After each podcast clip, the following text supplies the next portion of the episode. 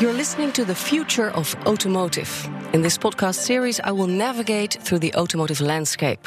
How soon will we go to work in a self driving car? And what will the new technology bring us? And are there bumps in the road ahead?